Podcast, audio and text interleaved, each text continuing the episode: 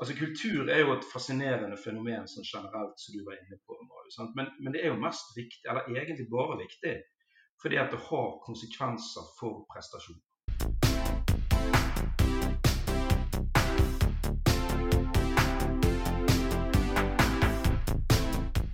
Velkommen til en ny episode av Ledertaffel, NHHs podkast om ledelse. I denne podkasten kaster vi et blikk på aktuelle tema innen organisasjon og ledelse.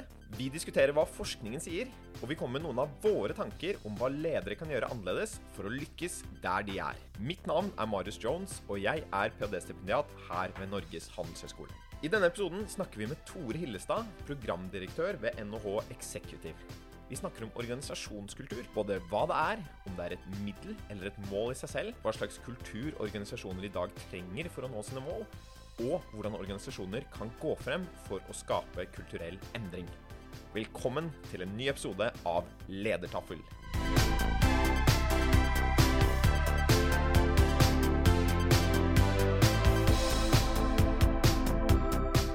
Da snakker vi om organisasjonskultur. Og jeg har med meg Tore Hillestad, som har en doktorgrad fra NHH og er programdirektør ved NHH Executive. Så velkommen til deg.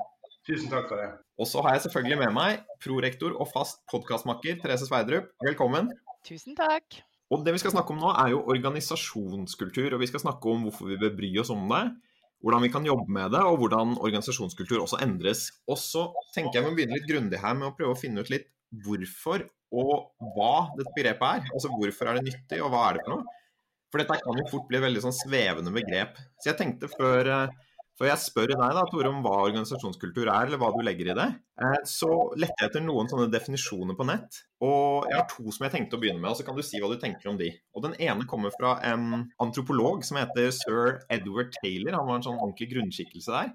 Han definerte kultur som 'the complex whole, which includes knowledge, beliefs, art, morals, law, customs and any other capability and habits that acquired by man as a member of society'. Så det er liksom alt sammen, egentlig. Og så har du Edgar Schein som sier at det handler om verdier, normer, virkelighetsoppfatninger og grunnleggende antakelser. Og også hva som er verdt å etterstrebe. Så, så, det er ganske sånn masse greier som vi putter inn i ett begrep her. Hva, hva tenker du på, Tore, når vi snakker om ordet kultur? Jeg synes Det var en veldig fin uh, tilnærming du hadde der. Når jeg, når jeg, jobber med kultur både faglig og uh, i praktiske sammenhenger, så prøver jeg alltid å bruke to tilnærminger. Og Det er faktisk akkurat de tilnærmingene du har valgt.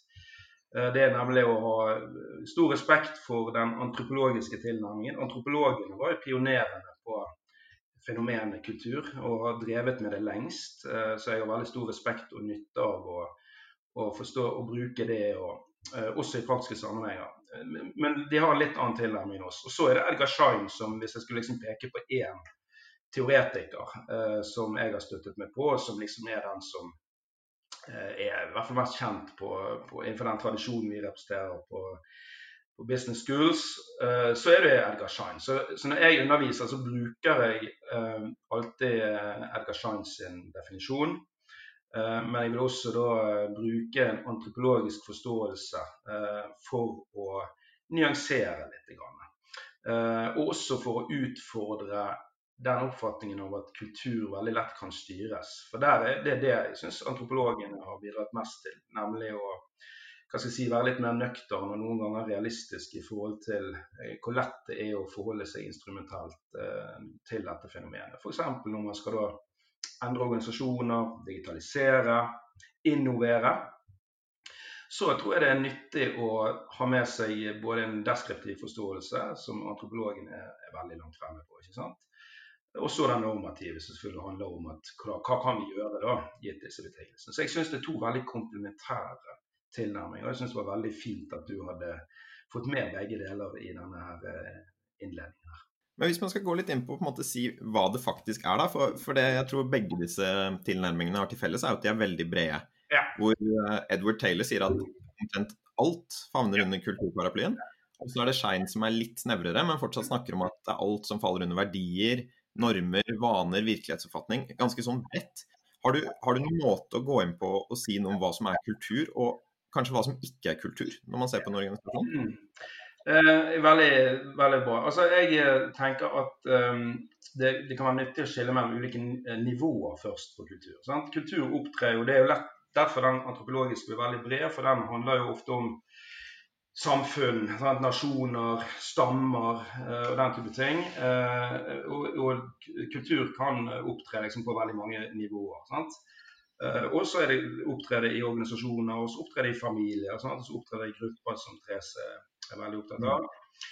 Uh, men hvis jeg skulle forholde meg til ett begrep som jeg tror er viktig og nyttig, også for det kan gjøre det litt konkret, det er jo verdibegrepet.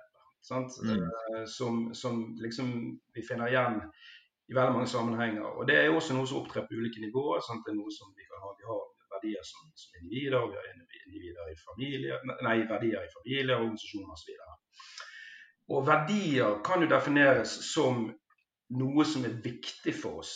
Noe som betyr noe. Noe som da på en eller annen måte sier mye om hvordan vi tenker, føler og handler. Og Det er jo der på en måte dette blir viktig, fordi at kultur får betydning for, for uh, uh, hvordan folk oppfører seg. eh, hvordan, hvordan, man jobber individuelt og kollektivt. Det er liksom det substansielle som gjør at dette faktisk er viktig. Men igjen tilbake til din tilnærming, eller vår tilnærming her, det at man må være klar over at det er et veldig komplekst fenomen, men det virker veldig sterkt på atferd. Individuelt og kollektivt. Eh, så det, også, når du spør meg hva som ikke er kultur Dere har helt sikkert ofte hørt begrepet 'kulturen sitter i veggene'. Mm.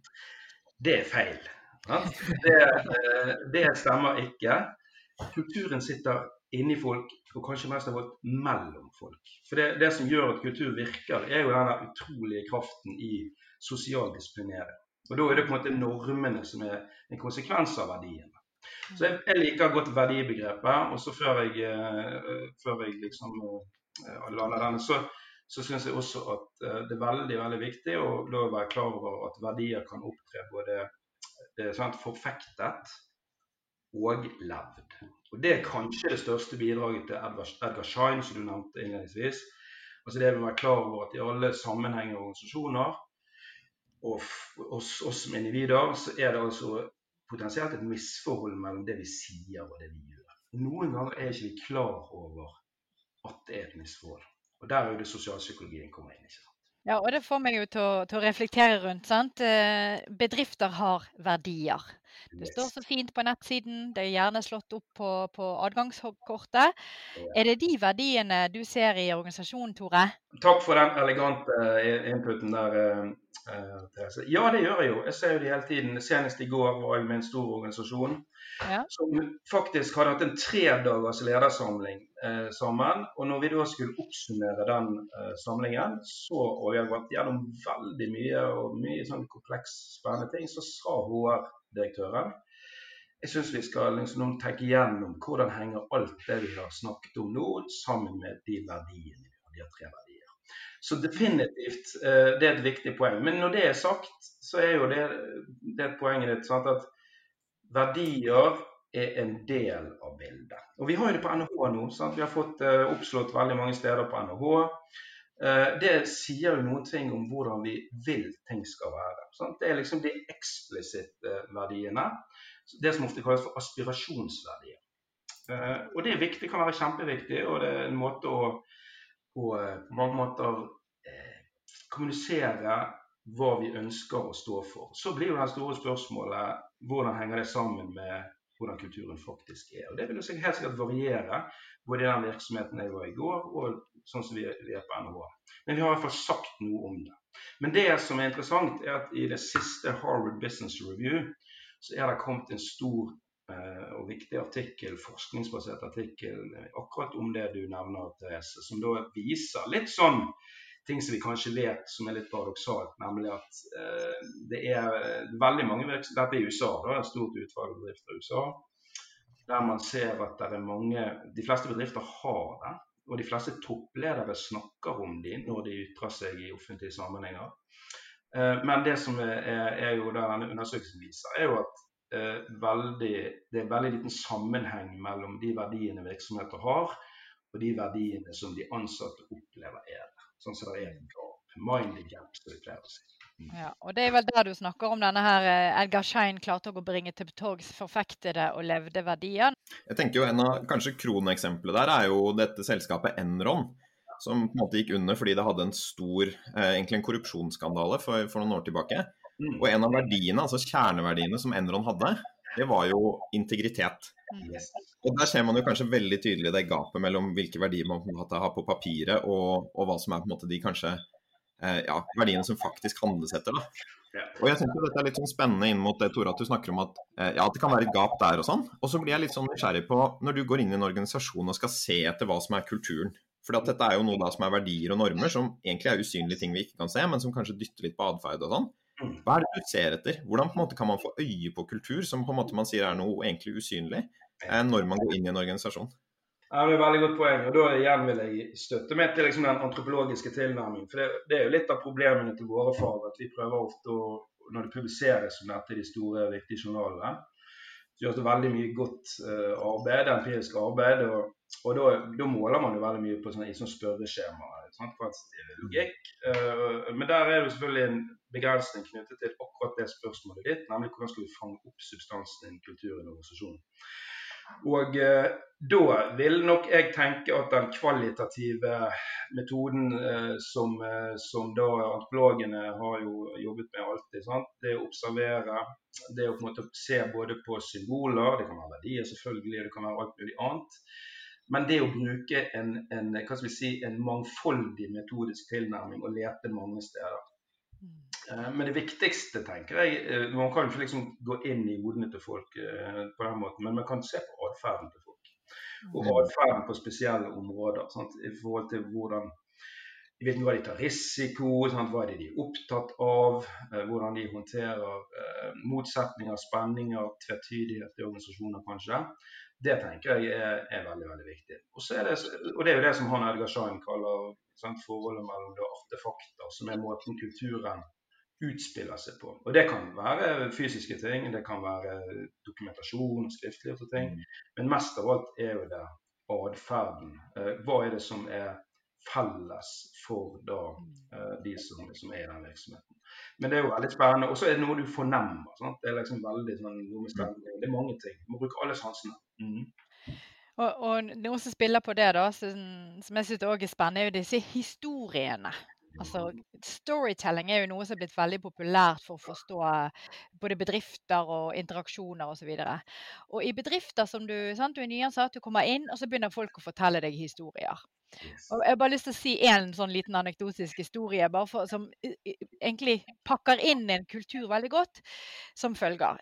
Ja, du skjønner det at vi har nå en sjef her, og så skulle vi få besøk av noen amerikanere, og de skulle spise lunsj. Og så troppet jo amerikanerne opp i dress vet du. Men han sjefen han var fint vær, så han stilte noe i shorts og T-skjorte.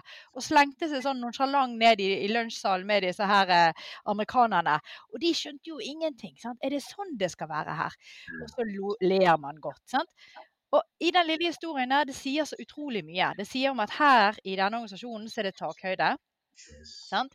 Vi skal inkludere alle. Det er ikke så farlig liksom, hvordan du går kledd. Og så viser det noe om avstand mellom ledere og ansatte.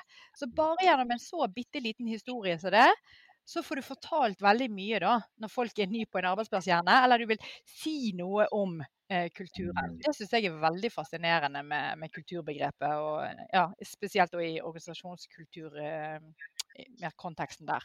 Definitivt. Og det du får frem når du forteller en historie, Therese, er jo hvor utrolig viktig denne fortolkningsprosessen er. ikke sant? For det, mm. det, det kan, Sånne ting som du beskriver, kan fortolkes på veldig ulike måter, avhengig av kulturen. Men nå skal jeg få ta en liten anekdote, jeg òg, for nå minnet du meg på en, en, en uh, og Det var da jeg underviste på et av våre eksekutivprogrammer. Uh, Must. Og så kom vi til dette tidspunktet i forelesningen der jeg spurte ja, eh, hvem av dere går med eh, dress og slips på jobben? Ja. For dette var jo da på et av disse her eh, det er mange fra finans og mange i økonomifunksjoner. Ja, så var det noen som rakk opp hånden. Så var det en som rakk opp hånden. Så sa han nei, hos oss var det sånn tidligere at vi gikk med dress og slips eh, fra, man, fra, til, nei, fra, mandag til torsdag. Og så hadde vi sånn casual friday, der vi bare gikk med, med blazer og skjorte. Men så ble vi kjøpt opp av et britisk equity-fond. Eh, og eh, ganske raskt etterpå så hadde vi besøk på en fredag av en av de nye representantene fra disse nye eierne våre. da. hvor han observerte at folk gikk rundt da i, i da, sånn Casual Friday, og hvorpå han da tørt bemerket Going fishing, are we? så da, litt det samme som du sier, da var det liksom ferdig. Ja. Så det, det utspiller seg jo veldig mye gjennom symbolikken. Og igjen er jo antropologene veldig opptatt av å, å, forstå det, men også selvfølgelig kan man bruke det aktivt i organisasjoner for å få til endring og, og utvikle en kultur på den måten man ønsker. Et annet sånn begrep, du snakket jo om dette med en kultur sitter i veggene, som er kanskje en sånn slogan på kultur vi ikke kommer utenom. En annen vi ikke kommer utenom, er jo dette med at kultur spiser strategi til frokost. Yes. Det er jo noe som, eh, som, jeg har hørt flere ganger. Og, og, der tyder det jo noe på at selv om kultur kanskje er litt vagt og for vanskelig å få tak på sånn, så er det utrolig viktig. Og også her da kanskje viktigere enn strategien.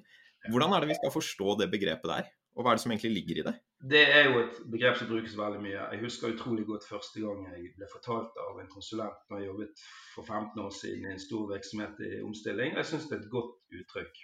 Og Det som ligger i det, er jo egentlig en slags tydeliggjøring av det som vi ofte snakker om, at det å iverksette strategi sant, det handler om sant, 10 formulering av strategi og 90% må de gjennomføres i iverksette. Og så er det ofte sånn at man ressursen blir motsatt. Sant? Man bruker 90% på å formulere og så 10 på iverksette. Og Det de sier noen ting om, er jo at i hvert fall hvis du skal endre en organisasjon, altså en ny strategi eller kanskje nye forretningsmodeller osv., så, så er det veldig kraftfullt å eh, måte støte borti kulturen, fordi at den er per definisjon programmert på fortiden. Altså, kultur er veldig paradoksalt i et sånt innovasjon- og utviklingsperspektiv. Men husk det? Kulturen på alle organisasjoner er tilbakeskuende i sin natur. Og, det, og Når du da skal ha en ny retning, så begynner du ikke med blanke ark, sånn som du gjør hvis du starter en ny organisasjon. Du begynner i en situasjon der du faktisk må først avlære egentlig en, en kultur. Som har kanskje lykkes veldig veldig bra på en spesiell måte, mm. og som til dels har et litt sånn uh, ubevisst forhold til det. Uh, så, så, det jeg heier på en måte på den fasen, selv om man kan bli, liksom, den er jo brukt mye. Og det, jeg tror man skal stor, være nøktern og ha stor respekt for, for kraften i det. Sant? Og Det ser man ikke minst i fusjoner og oppkjøp, der man gang på gang på gang forskningsmessig ser at de implisitte kostnadene som man skal ta ut gevinstsynergier, ikke blir sånn som man hadde tenkt, fordi man ikke har klart å selvfølgelig å forstå eller håndtere den kulturen. Men jeg har lyst til å avslutte den passiaren med en liten for det er et annet som man snakker sjeldnere om, og det er nemlig 'culture makes strategy happen'. Og Det sier jo noe om den utrolige kraften som er i kultur, sant? i forhold til å få ting til å skje, så klart at Hvis du får kulturen eh, på, på, plass i forhold til strategi, i forhold til et eller annet, så er det jo ekstremt kraftfullt. Så man må liksom med seg begge perspektivene. Men det er klart hvis utgangspunktet er entreprenørskap, du har en svær eh, mastodont av en organisasjon som har lykkes i mange år, så må du på en måte forvente at det er ikke noe quick fix. Å være nøktern i forhold til det, syns jeg. Jeg, eh, når jeg hører du snakker, så er det jo veldig spennende som du sier, dette her er samspillet mellom eh, hva man planlegger og hvordan det faktisk blir osv. Så, videre. så det vi skal bevege oss litt inn på, er jo dette her at OK, kulturen er viktig, strategier skal gjennomføres. Er det da noen kulturer som er best? Mm, ja, nydelig ikke det er det alle sitter og lurer på? Ja, men greit, da skal vi innføre den beste kulturen. Sant? Som både skal være, føre oss til å få gjennom strategier yes. og være innovative. Dette kan du noe om, Tore. Ja da. Det er jo det er et inspirerende spørsmål, rett og slett. For det er jo, og det er jo rett når jeg eh, både prøver å jobbe med det fra ulike ståsteder og er ute i virksomheter. Det er jo det man leter etter. Det er jo det man prøver å få til. Selvfølgelig er det Og det er jo da naturlig et utgangspunkt i liksom NHH-fag og dette ressursbaserte, som handler om at ja, det er argumentert helt fra en artikkel i 1986 med Jay Barney, så, sa det sant, at uh, kultur under gitte omstendigheter kan være en kilde til våre konkurransefortrinn. Altså det som skiller de som er best, fra de som, er, med, som ikke lykkes så godt. Så det, det, er jo, det, er jo, også et viktig måte, poeng å, å jobbe etter. Og Det er forskning eh, relativt oppdatert fra Jennifer Chatman eh, på Berkeley, som har vært opptatt av dette lenge. Hun har gjort en studie publisert i 2014 da, om, om der, der, de da så på forskjeller innenfor to bransjer egenskaper ved kultur og objektive resultatmål. Altså da lønnsomhetsforskjeller, vekst, hvordan man ble, ble oppfattet av analytikere osv. Det hun fant i den studien, som var i teknologibedrifter, det er jo veldig viktig å si, mm. var at de virksomhetene som hadde en høyest grad av adaptability, altså egentlig læringsorientering, i denne sammenhengen, i den studien, gjorde det bedre enn andre. Og det var liksom veldig tydelig dokumentert. Så, men, men, det som selvfølgelig er svaret på, på ditt sånn mer generelle spørsmål, eh, det er jo at det kommer an på. Det kommer an på hva du driver med. Sant? Hva er, det er jo veldig veldig stor forskjell på å være en handelshøyskole og være Rema 1000 eller være Amazon osv. Så, eh, så det man bør prøve å lete etter hvis man skal forstå det i en virksomhet eller i en bransje eller organisasjon, er å forstå, gitt den strategien vi har, gitt de målene vi har, hva er det vår atferd må være kjennetegnet av for at vi skal klare det? Så presist som mulig. Mm. Og da tar du liksom til neste steget. fordi at og Den diskusjonen vet ikke vi kommer inn på, men det er interessant. for det er jo spørsmålet, ja, men er det egentlig én kultur? Altså Hvis man mm. skal lykkes på NHO, hvis man skal lykkes på uh, i, i store, store, komplekse organisasjoner i offentlig og privat sektor, hvordan skal vi liksom tenke om det? Så det er klart at På NHO og andre steder vil vi at noe skal binde oss sammen. sant? som også identiteten både til vi som jobber der, og studentene og osv. Men, men det er jo også noe med at vi må nok være klar over at det er forskjeller eh, nede i eh, ulike typer deler av en organisasjon. Og Den mest kjente kulturen, for å ta det, da, berømte, gode kulturinteresser, mm det er, og det har vi studert en del, og, og kan finne mye om det, det er jo da Southwest Airlines, som er et selskap i USA. Som har jo hatt bemerkelsesverdig gode resultater langs mange parametere i en veldig krevende bransje. Og Forklaringen er ikke kulturen as such, men det er kulturens evne til å gjennomføre strategien effektivt. Mm alle ser strategien, vent? Alle vet hva som er liksom de parameterne. Men det å klare å få en så utrolig eh, kobling mellom den strategien de har, og evnen til å gjennomføre den effektivt på de parameterne som gjør at den strategien virker. Ja, Da blir jo oppfølgingsspørsmålet ja, da har de sikkert studert det. Hva er det de faktisk gjør? Er dette et ledelsesproblem eller utfordring? Eh, hvordan, hvordan, muliggjør man, hvordan får man til den der eh, ja, som går fra kultur til strategi og enabling? Eller Hvis vi skal se liksom, på teorien og forskningen rundt, og sånt, så, så er det ingen tvil om at ledelse er viktig. Men det er, liksom, det er ikke bare lederne. Sant? Det er all den ledelsen som faktisk er i en organisasjon, og det er de formelle og de uformelle lederne. Det virker veldig sterkt. Uh, liksom, hvis du skal peke på én ting, så tror jeg definitivt at det er det. Så vet vi alle at hvis du jobber i en akademisk offentlig institusjon eller osv., så, videre, så er det veldig mye sterke strukturer som også legger noen føringer for ting. Og noen typer organisasjoner vil selvfølgelig være lettere å påvirke enn andre. Og så er det interessant å se på den typen organisasjoner som har sånne gründere, som har jo alle i for seg, sant? men at de i veldig stor grad preger kulturen i de formative årene i en virksomhet, der man ofte vokser og har suksess og finner en identitet. Men så er det det utrolige paradokset som jeg har møtt veldig mange ganger, helt ulike typer organisasjoner, der eh, gründeren selger seg ut, men blir værende. Mm. Det er ofte veldig, veldig vanskelig. Sant? Fordi at da eh, blir man ofte kjøpt opp fordi at man vil, vil inn i en ny fase. Sant? Man skal gjerne skalere og gå inn i nye markeder. og hva det skal være det er ofte ekstremt krevende. Sant? For da er det spørsmål klarer man å gjøre 'kill your darlings' og alle tingene. Så ledelse er viktig, eh, kjempeviktig Therese. Gründerne er liksom enda viktigere i den grad det er mulig å si det. Uh, og det er jo det der, vi, vi, snakker ofte om leders kulturelle arkitekter. og Det er jo ideen om at lederne gjennom sin atferd og sitt lederskap, individuelt og kollektivt, er veldig viktig det, det, er vi sammen med, og noen ganger i konkurranse med de uformelle lederne i organisasjonen. Vi snakker jo litt her nå om at kultur er et middel for å få til ting, eller for å nå mål. At det kan både være et hinder, og så kan det være noe som hjelper oss. ikke sant? Den kan både spise strategien vår til frokost, og den kan også make strategy happen, da, som du sier. Og så er det jo selvfølgelig sånn at det vil være situasjonsavhengig og virksomhetsavhengig hva som er den riktige kulturen da for å nå mål. Men jeg ser for meg også at det er en del ting som går igjen. Vi er jo i en tid nå hvor veldig mange virksomheter prøver å bli mer innovative, mer kundeorienterte, eh, klare å ta i bruk ny teknologi.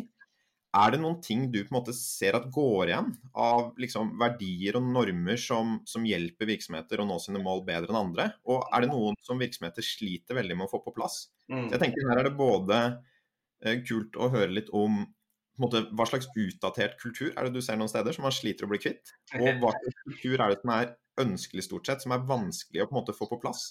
Uh, nei, altså det er jo to the point. for jeg, Jo mer jeg har jobbet med dette fenomenet og liksom prøver å forstå det, og, og sånn, så, så, er det jo dette med altså For meg er egentlig kultur læring.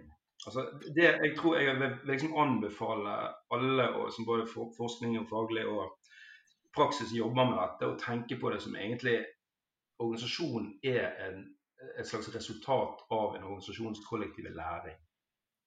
Mm. Da er det veldig nærliggende når du bringer sånn, innovasjon på banen og drar inn denne her eh, kjente og viktige analogien til March da, sant, med å utnytte og utforske.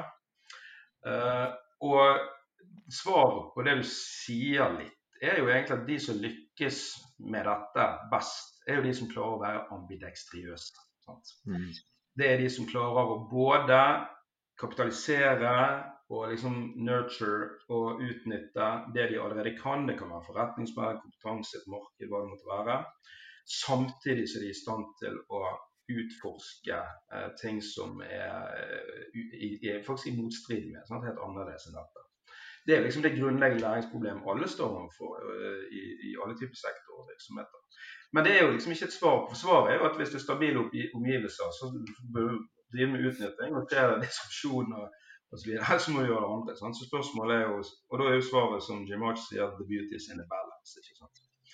Uh, men, men, jeg tror liksom de som er gode på å forstå og jobbe proakt, altså eksplisitt med sin egen læringskapasitet, mm.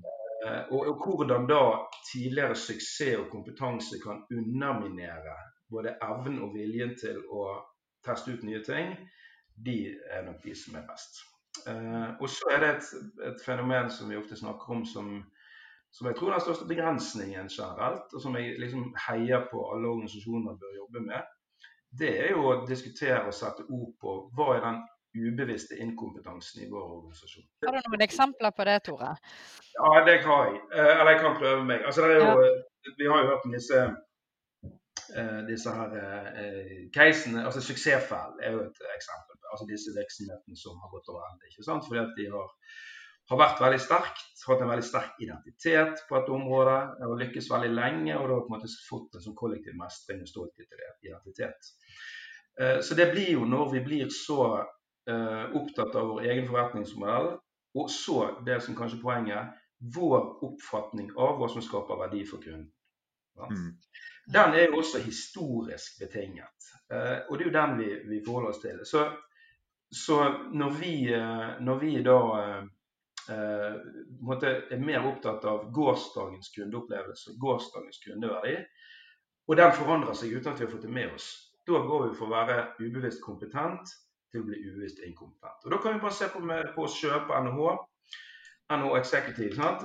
Hva, og, og grunnstudiene, hva er det studentene vil ha? Sant? Hvordan er det vi Og jeg har jo mange ganger møtt meg sjøl i døren med disse tingene. Sant? Uh, og vi er styrt av våre egne erfaringer fra, fra, den tiden vi har jobbet der. Uh, så det er det tror jeg det å grave litt i det, og det henger jo også sammen med verdiene og de grunnleggende, verdi, uh, grunnleggende oppfatningene. Mm. Har du da noen eksempler på Jeg vet ikke om du har jobbet som konsulent sjøl eller vært inne i bedrifter der mm. ja, leder eller ledergrupper eller mindre grupper organisasjoner faktisk setter seg ned og jobber veldig bevisst med å få på plass eh, sine ubevisste ja, inkompetanser? Heldigvis, eh, Therese, så, så jeg, er det noen som gjør det. Det som er ofte litt problemet, er at man er mer opptatt av å, diskutere den kulturen man ønsker å ha. Ja. Det må man også gjøre, for all del. Altså idealkulturen, som de sier. Men det som, som, jeg tror også i forhold til ditt fag, så jobber med grupper og team og ledergrupper, som der er også er kultur. Mm. Uh, uh, det er jo å diskutere og reflektere rundt ja, men hva er det faktisk kultur vi har, altså deskriptivt, og hva konsekvensene er for det vi prøver å få til. Mm. Så jeg tror jo liksom den, den, det med å, sånn at man må jobbe i grupper for å gjøre in, eksplisitte implisitte, Mm. eh, er veldig bra. Ja da, og det er organisasjoner som driver med det, men det er nok oftere en litt sånn salderingskurs der man kommer til verdier, og så kommer man litt med hvor man skal, og så glemmer man litt den viktige jobben med å, med å jobbe med den eh, substansen, da, som er jo utgangspunktet mellom der man er kulturelt, og der man bør være. Og så da stoppe opp innimellom og sjekke ut hvordan har vi egentlig lykkes med å ta disse stegene. vi har vært opptatt av. Jeg tenkte bare å, knytte litt um, bånd til den forrige episoden vi lagde, som var om design thinking. Yes. For da skrives jo som en metode som kanskje kan hjelpe oss å adressere den ubevisste inkompetansen. Fordi vi går ut i verden og gjør innsiktsarbeid og prøver å finne ut hva det brukeren egentlig vil ha. Og du snakker jo bl.a. Tore, om sånn designtenkningskultur i organisasjoner, som det høres ut som du snakker ganske varmt om, som noe som organisasjoner bør kanskje ha mer av. Vil du si litt om forholdet mellom designtenking, sånn som vi snakket om det forrige gang, da, som en arbeidsmetodikk, og designtenkingskultur, design? Og, og hvorfor det er noe som eh, virksomheter bør prøve å gjøre mer av, eller ha mer av? Ja, Det, det syns jeg er fascinerende. Og det er jo liksom Kulturbegrep og modell har jo vært med oss lenge, men det er liksom det å ta det et steg videre i forhold til eh, å på en måte bli enda bedre til å utvikle læringsorienterte kulturer og for være innovative. Eh, Det jeg tror når det gjelder design thinking, er jo litt det jeg var inne på i sted, at det hjelper oss å ta oppmerksomheten fra de interne forholdene og kanskje ting som går på produktivitet osv., som selvfølgelig er viktig, men virkelig grave i og prøve å utforske og være nysgjerrig på hva er det egentlig kunden har. Og Det er klart at det er jo kundenes endrede preferanser som gjør at vi blir ubevisst inkompetente eller irrelevante. ikke sant? Mm. Så det å både uh, bruke det som for kontinuerlig være mer ekstrovert enn introvert. Men det som er et problem, og sånn naturlig iboende fenomen i kulturer, spesielt i organisasjoner over tid, er jo at de er eh, man blir introverte. Altså, organisasjoner vokser, større, mer rigide, sterkere kultur. Og mer introvert og mer sånn for, rigid i forhold til forretningsmodell og oppfatninger av hvordan man skal løse oppgaver og jobbe sammen og alt dette. Men, så, så det å, Om det er designthinking vi kaller det, det er gjerne det tror jeg, for det er et metodikk som hjelper oss til liksom å gå inn i det. Men det å generelt være opptatt av omgivelsene, de vi er til for, eh, hvordan de utvikler seg, hva de vil ha, hvordan de oppfatter oss, det tror jeg er, veldig bra. Jeg tenker litt òg på det vi snakker om. eh, Det er jo forståelse og læring som du snakker om, eh, Tore. Mm. Og, og vi mennesker vi går gjennom livet. eh, Vi går på en utdanning, og, og vi er i dialog med mennesker i familie og i vennerelasjoner osv. Og så handler jo dette veldig mye, syns jeg, denne evnen vi har til å se oss sjøl ovenifra. Fugleperspektivet. Være refleksive. Kunne Mm. ta et sånt metaperspektiv. Eh, Er vi egentlig rustet til det? Altså, har vi en jobb å gjøre, Tore? Nei, det er et veldig interessant spørsmål. eh, Nei, altså det, det er jo krevende. Sant? Det er jo veldig, veldig, det er jo det, kanskje litt av um, problemstillingen med også kultur. Da, sant? Det å ta det steget utenfra og se oss sjøl uh, utenfra.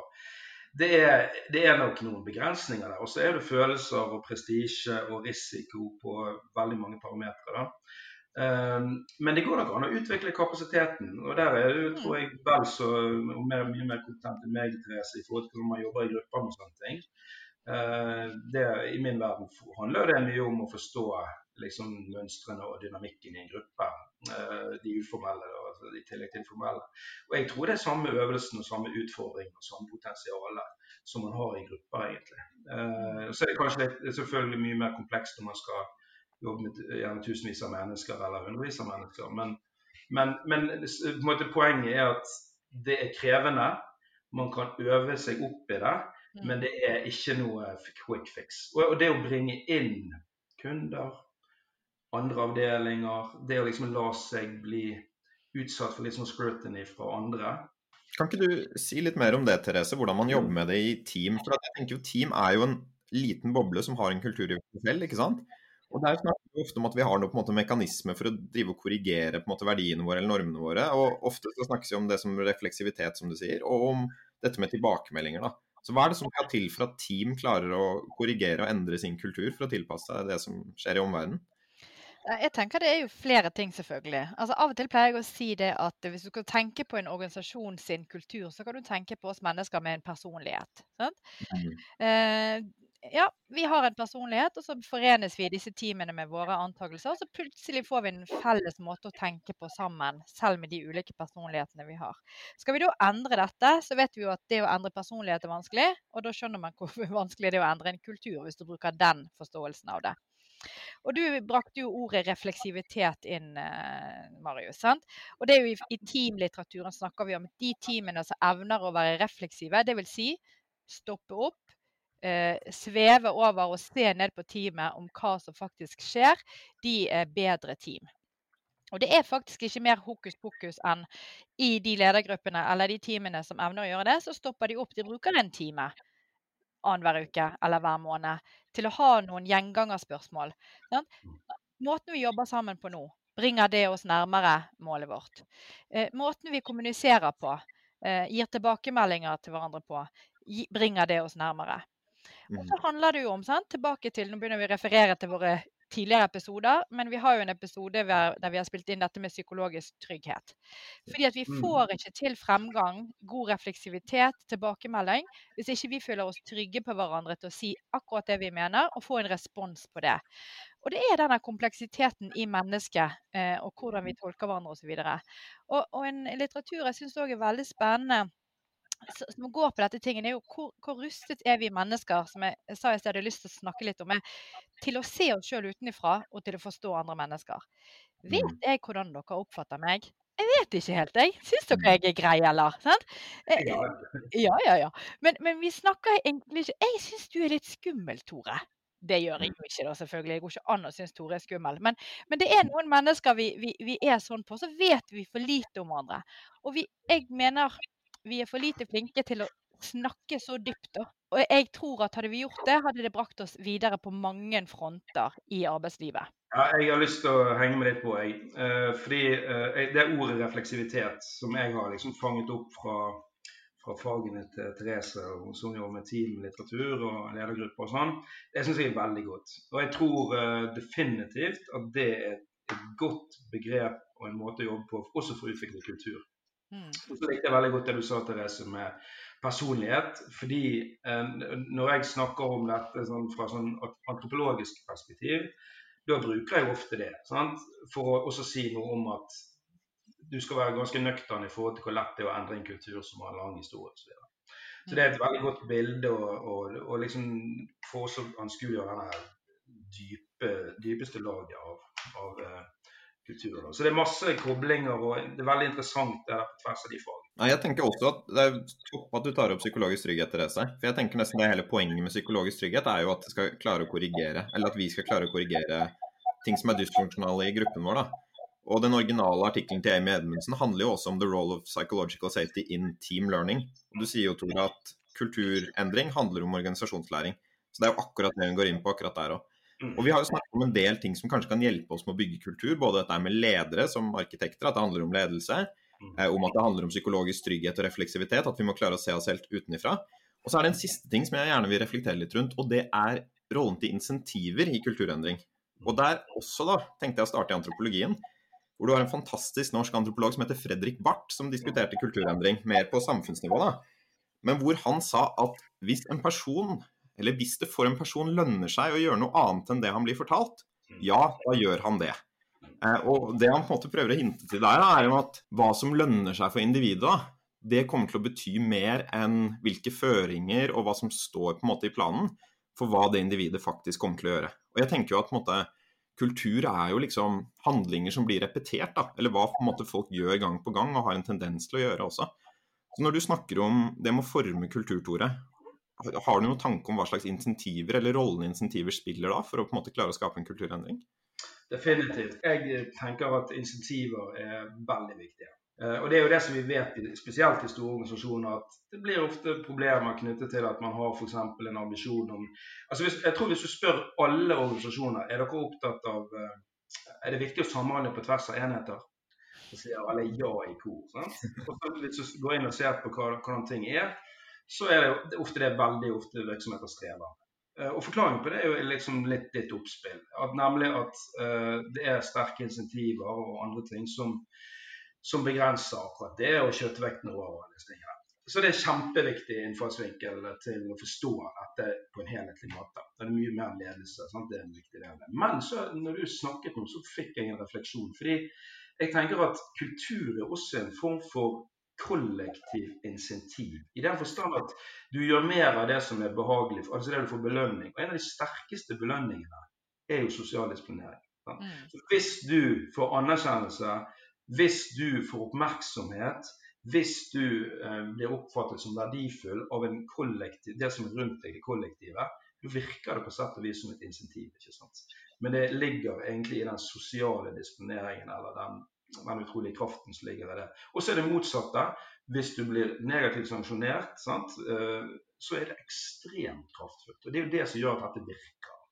Og noen mm. ganger, så, men, så det som du kanskje refererer til som er helt rett, er jo at man ofte har en, en prat eller en sjargong og retorikk rundt noe eh, som skal være viktig, f.eks. samhandling på tvers. Eh, og så har man initiativer, både økonomiske men også kraftfulle sosiale som på mange måter både reaktiverer og holder fast eh, folk i, eh, i da, en spesiell atferd. Jeg har en liten anekdote. Skal jeg ta den? Yes. Jeg jobbet noen år i København, eh, og da var jeg ofte på flyplassen der. Og Så skulle jeg hjem, eh, og da er det jo sånn at jeg var sulten ofte. Problemet når man er på en flyplass og skal ha mat og skal ha et fly, det er risikoen knyttet til at det tar lang tid å få servering. Sant? Der var det en periode en, en restaurant som hadde følgende skilt utenfor restauranten. Vi garanterer at du får maten innen ti minutter. Mm. Som, som selvfølgelig er hensiktsmessig. Så jeg gikk inn der, bestilte mat. Og ja da, den maten kom etter ti minutter. Eneste problemet var helt umulig for regningen. Som, eh, alle som jobber der, var opptatt av å levere på den lovnaden. Sant?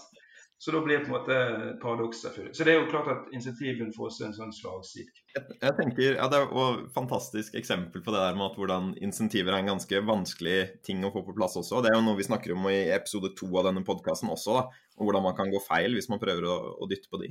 Eh, jeg tenker vi kan begynne å gå inn for landing. Vi har jo snakket en del nå om på en måte hvordan man kan forme kultur, og at kultur er viktig. og Det kan både spise strategien din og hjelpe deg å gjennomføre den også. Har dere to noen sånne siste råd på tampen til ledere som tenker at ja, kanskje jeg skal jobbe litt med kultur og sette meg ned og på en måte ta tak i dette her? Eh, jeg vet ikke, Hvis dere vil f.eks. komme med tre små råd hver da, som, som, oppsummerer det viktigste om hva man bør måtte gjøre eller tenke på når man skal drive kulturarbeid i organisasjonen? Jeg kan ta tre. Eh, så bra. Eh, nei, jeg, jeg, Vi snakker ofte om det å være kulturell arkitekt. Liksom det er tre ting som, som man kan tenke på. Eh, og Det første er jo da innspillet til Therese refleksivitet. Altså Det å være i stand til å stille seg utenfor seg sjøl og se inn på organisasjonen. Også i forhold til egen rolle og innflytelse på, på organisasjonen. Det, det, tror jeg definitivt man har mye å hente på. Også sammen med f.eks. ledergruppen. Altså reflektivitet. Øve på det, ta det inn strukturelt hva det måtte være. Uh, og kanskje også liksom da, kanskje bruke det begrepet er noe ubevisst inkompetanse her. ikke sant? Det liksom, som, noe som ligger her. Så det er det første. Det andre det er å kontinuerlig diskutere og være bevisst hva er konsekvensen av vår kultur for resultatene vi skaper. Og selvfølgelig også noen ganger de resultatene vi ikke skaper, som vi prøver å skape. Altså Kultur er jo et fascinerende fenomen sånn generelt, som du var inne på. Men, men det er jo mest viktig, eller egentlig bare viktig, fordi at det har konsekvenser for prestasjon. På alle slags dimensjoner. Det er lønnsomhet, om det er vekst, om det er innovasjon, om det er samarbeid osv. Og, og læring, ikke minst. Så det er det andre. Og det tredje er jo selvfølgelig å prøve å bruke hele seg sammen med ledergruppen til å påvirke dette. Dytte, nudge det der du ser det er et gap mellom de målene og behovene vi har i en virksomhet, og den kulturen som veldig ofte av naturlige grunner ligger litt etter.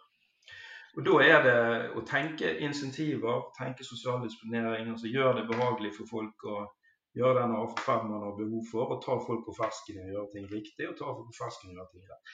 Ganske sånne basale ting i mellommenneskelig samfunn. Så det tror jeg var tre sånne ting.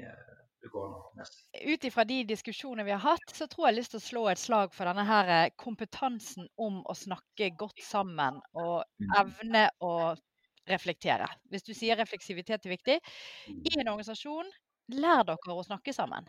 Få inn coacher eller konsulenter, eller om det er en eller annen i bedriften som, som kan dette, som tør å utfordre mennesker til å snakke bedre sammen for å lære seg refleksivitet. Eh, Punkt to, som du snakket om, det der med kontinuerlige diskusjoner, hvordan det går opp med resultater. Det, det tror jeg er ekstremt viktig at man tar på alvor at man må utvikle kompetanser om. da. Og så snakket jeg innledningsvis òg om disse historiene. Finn historiene i bedriften som sirkulerer rundt der. Og det oppdager man lett når man får nyansatte. Hva er det disse her eh, som har jobbet der en stund, forteller de nyansatte? Kunne vært artig å hørt eh, etter én måned med nyansatt. Hva historie har du hørt den siste måneden? Jeg tror du hadde fått utrolig fra en leders perspektiv innsikt i hvordan en kultur faktisk er, og hvordan den oppfattes. Så Det er liksom en andre sånn eh, Skal vi gi et tips? Eh, tredje må jo være eh, å slå et slag for psykologisk trygghet igjen. Mm. Eh, bygg psykologisk trygghet fordi man får ikke til god kommunikasjon, eh, refleksjon, eh, kontinuerlig diskusjon av resultater før man har det på plass. Ja, jeg bare kjapt kommentere.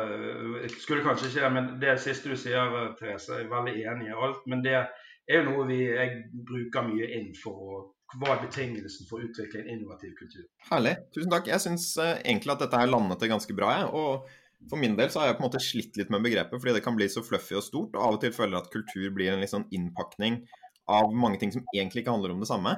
Men jeg syns den måten vi på en måte har kanskje landet litt nå, da, med å snakke om at det handler om normer og verdier, og de er viktige fordi de på en måte styrer folks atferd. Og hvis det styrer folks atferd i, i feil retning, så kommer du ikke som organisasjon til å nå dine mål også. Så det å på en måte se mer på kultur som en slags sånn rotårsak til den atferden du ønsker, da, og at du på en måte derfor ja, kan jobbe med den som det som utgangspunkt, da, det høres ut som noe alle organisasjoner burde bruke en del tid på. Da. Så tusen takk for innspill, begge to. Takk skal du ha. Veldig kjekt.